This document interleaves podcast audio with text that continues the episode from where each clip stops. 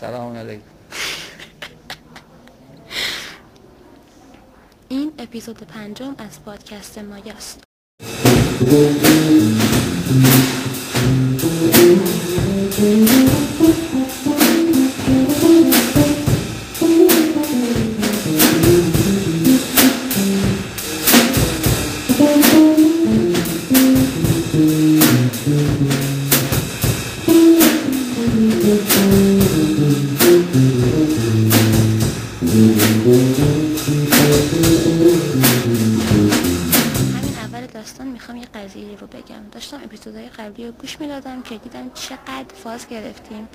گرفتم چقدر ادب و رعایت کردم و خلاصه اشک خودم رو در آوردم. سخت میشد کارا. میشستیم صدای این اونو ضبط میکردیم بعد میدیدیم اصلا جوی که برای مایه ساختیم اینطوری نیست. پس تصمیم یاری این شد که یکم رهاتر باشیم فقط. نه کلا نمیدونم دارم چه غلطی ادامه بدم بذارین قضیه رو یکم باز کنم براتون که بنده یا به گفته بقیه شبا؟ میخونه میرم دو تا بچه دارم به اسم سوشال تیبل و دومیش که همین سرپرست خانه ها رو بنده خدا ببین ولی به پادکست هم درست میکنم ایشون خودش بابای منه سوشال قضیهش این ریختیه که یه عده دور هم جمع میشیم و راجع به موضوعات مختلف صحبت میکنیم و فضا سازی کشورهای توسعه یافته و از این حرفا مثلا عباسی هم حضور پیدا میکنه فکر کنم عباسی چیکار است؟ میگوید پس چی؟ اون جلساتی که توی بخش میرفتین تا داستانش بود نه همینا نبود آه اون سوشال تیبل دانشگاهی بود ام. ام. بعد یکم علمی میشد ما کاش علمی میشد اصلا علمی هم میتونست علمی باشه حداقل بعد اینی که تو سطح شهر داریم ولی علمی نیست همینجور فقط میشین خوز اول میگیم بازم شاید یعنی قوم پیدا نمی کنم آخه اومدم خودم. این پادکستی که داری بهش گوش میدی قرار بود زیر مجموعه همون برنامه باشه همون سوشال تیبل و با کمک همون بچه ها تولید شه. مایا. آیا. یه جور میگه تولید انگار استودیو داریم. همین که آبجون گفت حبیب؟ تبریک که موهاش صاف میکنه هر روزم گوشی زنگ میخوره دیدی؟ علیکی هم میذاره یکی دو تا زنگ میخوره بعدا سایره ای بابا چقدر من زنگ میزنه زنگش هم مهم برش آخر میگه ایف کلاهیس نیست خب بخون کلاهیست نه؟ نه واقعی ماش نه بابا ماش واقعی از چرا تفاوت داره با پشت کلش؟ نمیدونم کلش اشکال داره Gud, vad kör du? Australien. خیلی خب ولی ولی ولی این سوشال تیبل یا همون به اصطلاح میز اجتماعیمون رو یه مدت با عوامل خارجی و با تصمیم داخلی تروریست ها ای بابا به حالت تاریخ در آوردیم تا ببینیم چی میشه بعدش خنده موزیک آره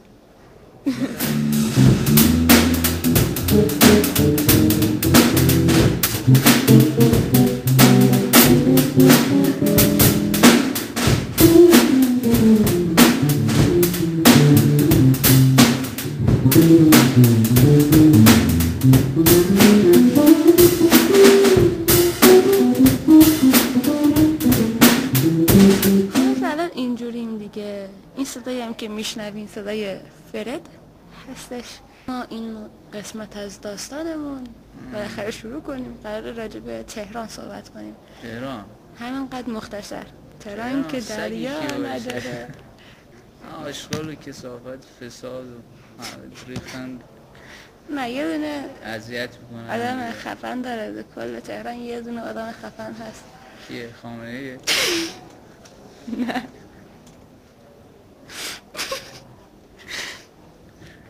اه، همون پورک گویا دیگه یه پادکست دیگه از فرد بیخیال اما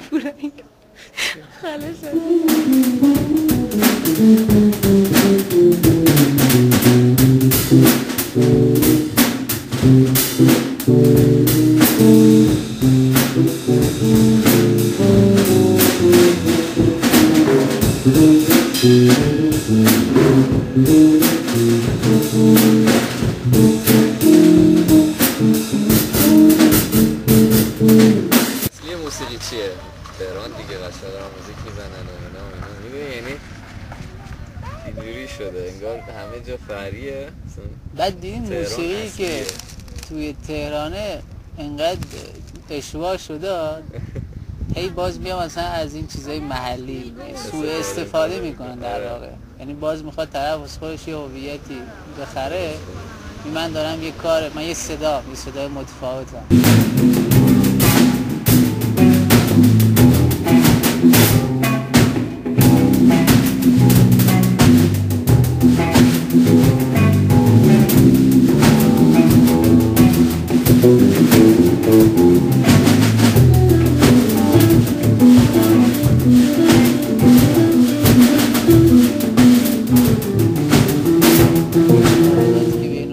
هست همجور پخش میشه یواش یواش میاد میرسه تا مثلا حتی فرض کن دهیاری خب یعنی اینکه اونا دارن خب واسه یه هدف خیلی متعالی تر کار میکنن اونا در جریانن خیلی چیزا رو ما نمیدونیم اما ما باید سپاسگزارشون باشیم که دارن مثلا پول ما رو مفت میخورن چون اونا دارن به واسه یه هدف برتر تلاش میکنن مقدس هم اکثر بعد تا مثلا چی میگن؟ دو پایه ترین کارمنده این حسه رو بهش القا میکنه.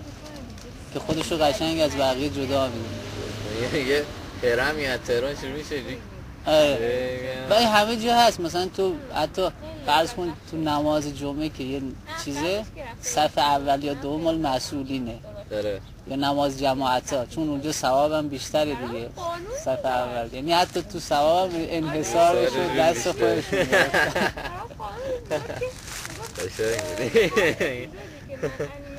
یه ثواب هم زنه خودشون خب همین ببین مثلا تو داخل زریه مثلا امام رضا کیا میرن کیا میتونن برن؟ میرن پاکش میکنن دیگه دیگه. یا مثلا تو عربستان کی میره تو خونه خود پاکش میکنه تمیزش میکنه یا اصلا اجازه داره بره داخل از مسئولین و حالا دیگه همون شاهزاده ها اینا شاهزاده ها البته من مستند دیدم زمان شاه مثلا شاه هم رفت داخل خونه کعبه با چیز عربستان که رفته بود نه اینو نمیدونستم فکر که مثلا یه یکی هست میره تمیز میکنه حالا نه بابا شاهزاده این خب چیز دیگه وای سری چی میگم بهش.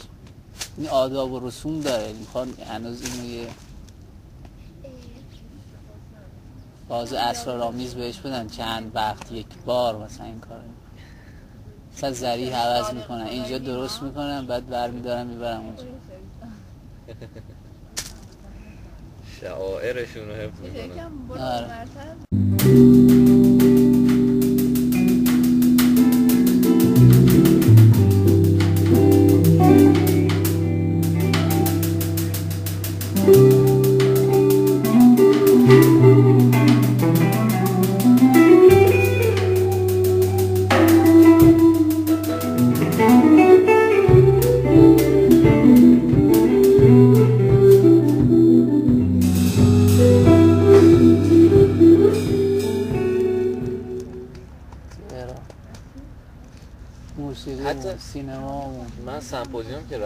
example,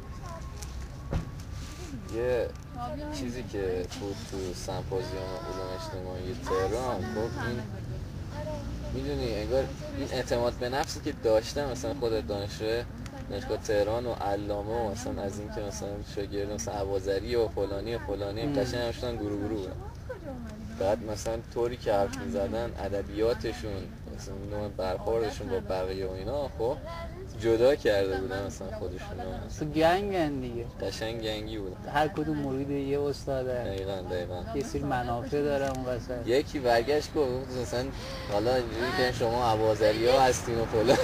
الله اکبر. چه وضعیت داغونیه اینا. درس برای من خیلی زبونشون جالب بود. یعنی ادبیاتن خب ادب دقیقا ادبیات عوازری بوده یعنی ادب مثلا چجوری عوازری ترجمه میکنه کتاب دقیقا اون اونجا حرف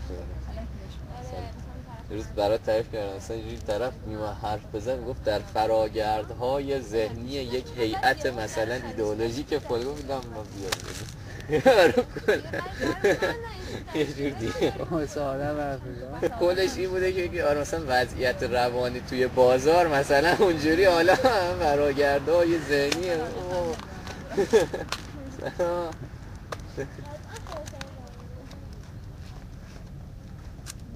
زورشون هم زیاده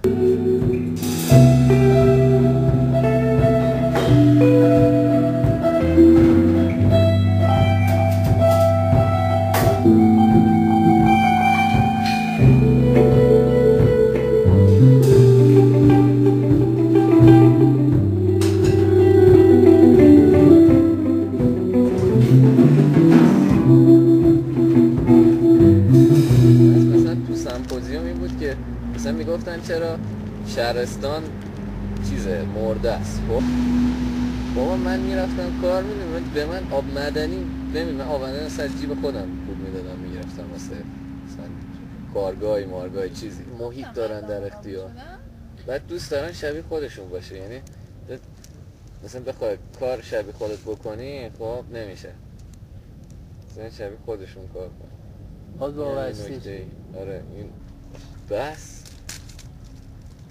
سر به بلند این سنتزیه که تفاوت با هم دارن نه اینکه در خدمت کارشناس محتوی برنامه رو به جواب اکمال کنم نفهمده باکس داری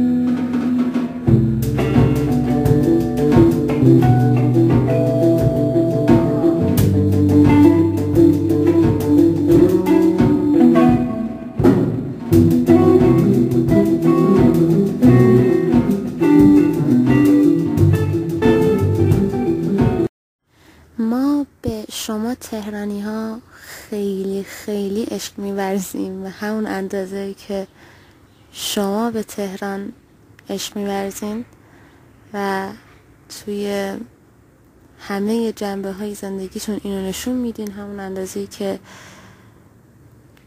مامان دوستم برگشت گفت که مگه شیراز مترو داره ای بابا بعد موسیقی میسازین راجع به شهرتون که ببین میدونم در و داغونی ولی من هنوزم خیلی خیلی دوستت دارم.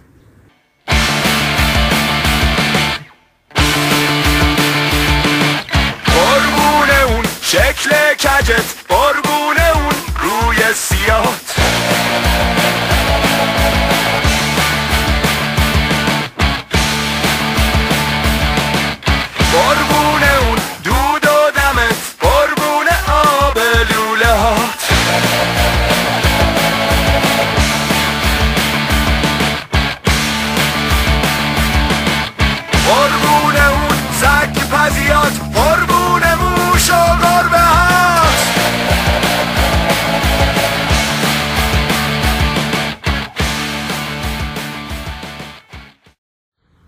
بله بله همین فرمون شما ادامه بدین و در کنارش صدای شاهین رو از پادکست آمپاژ بشنوین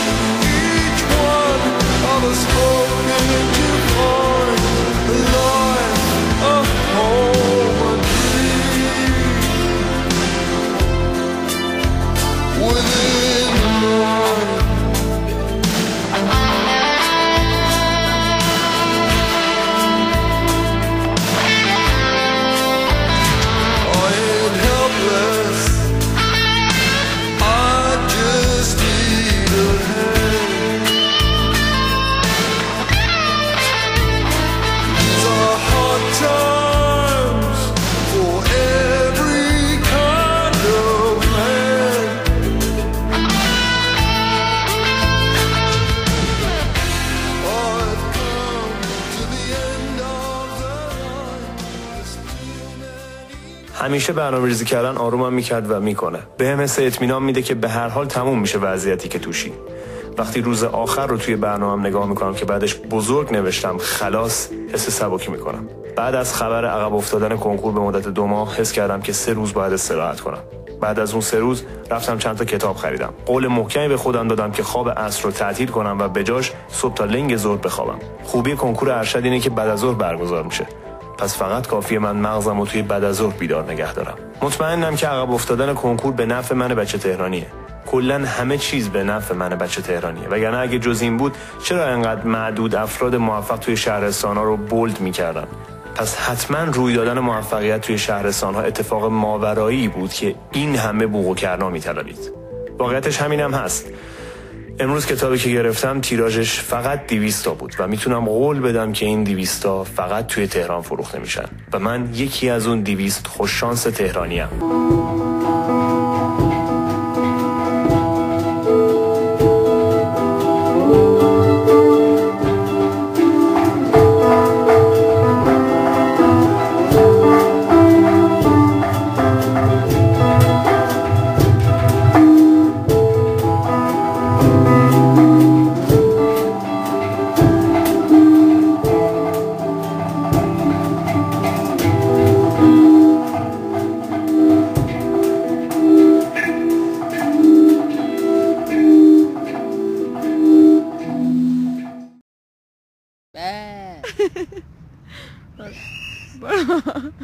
Okej, jag var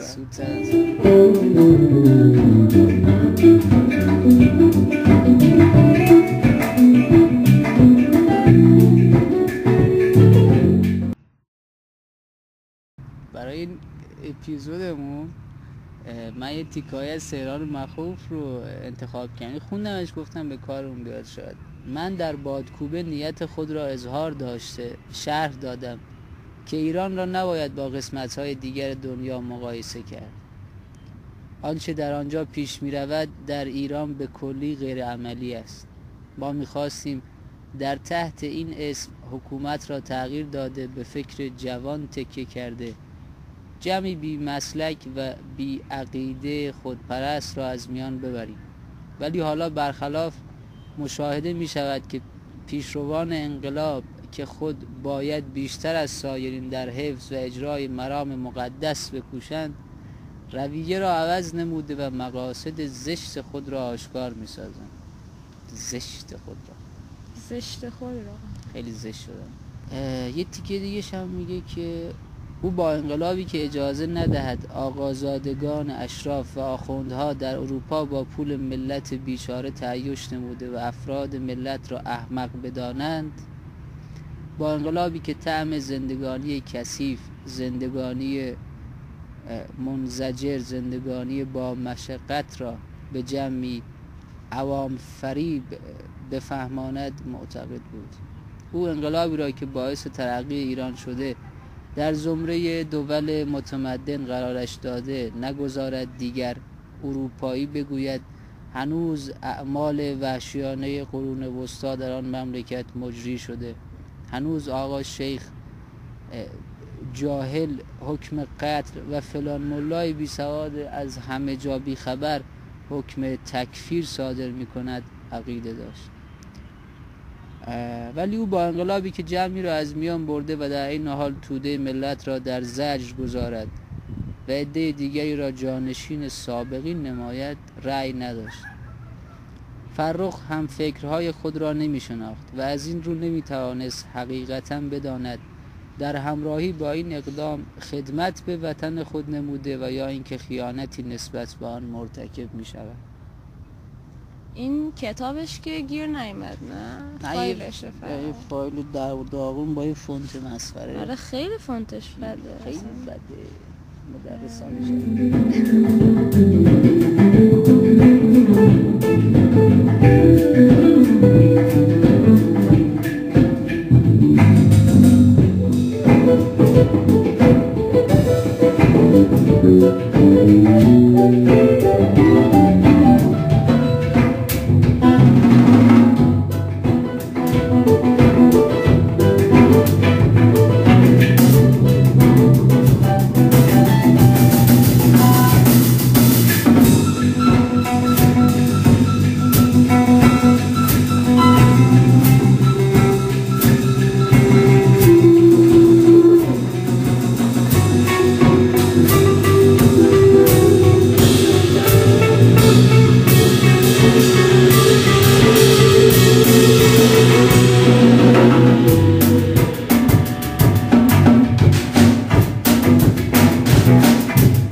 Musik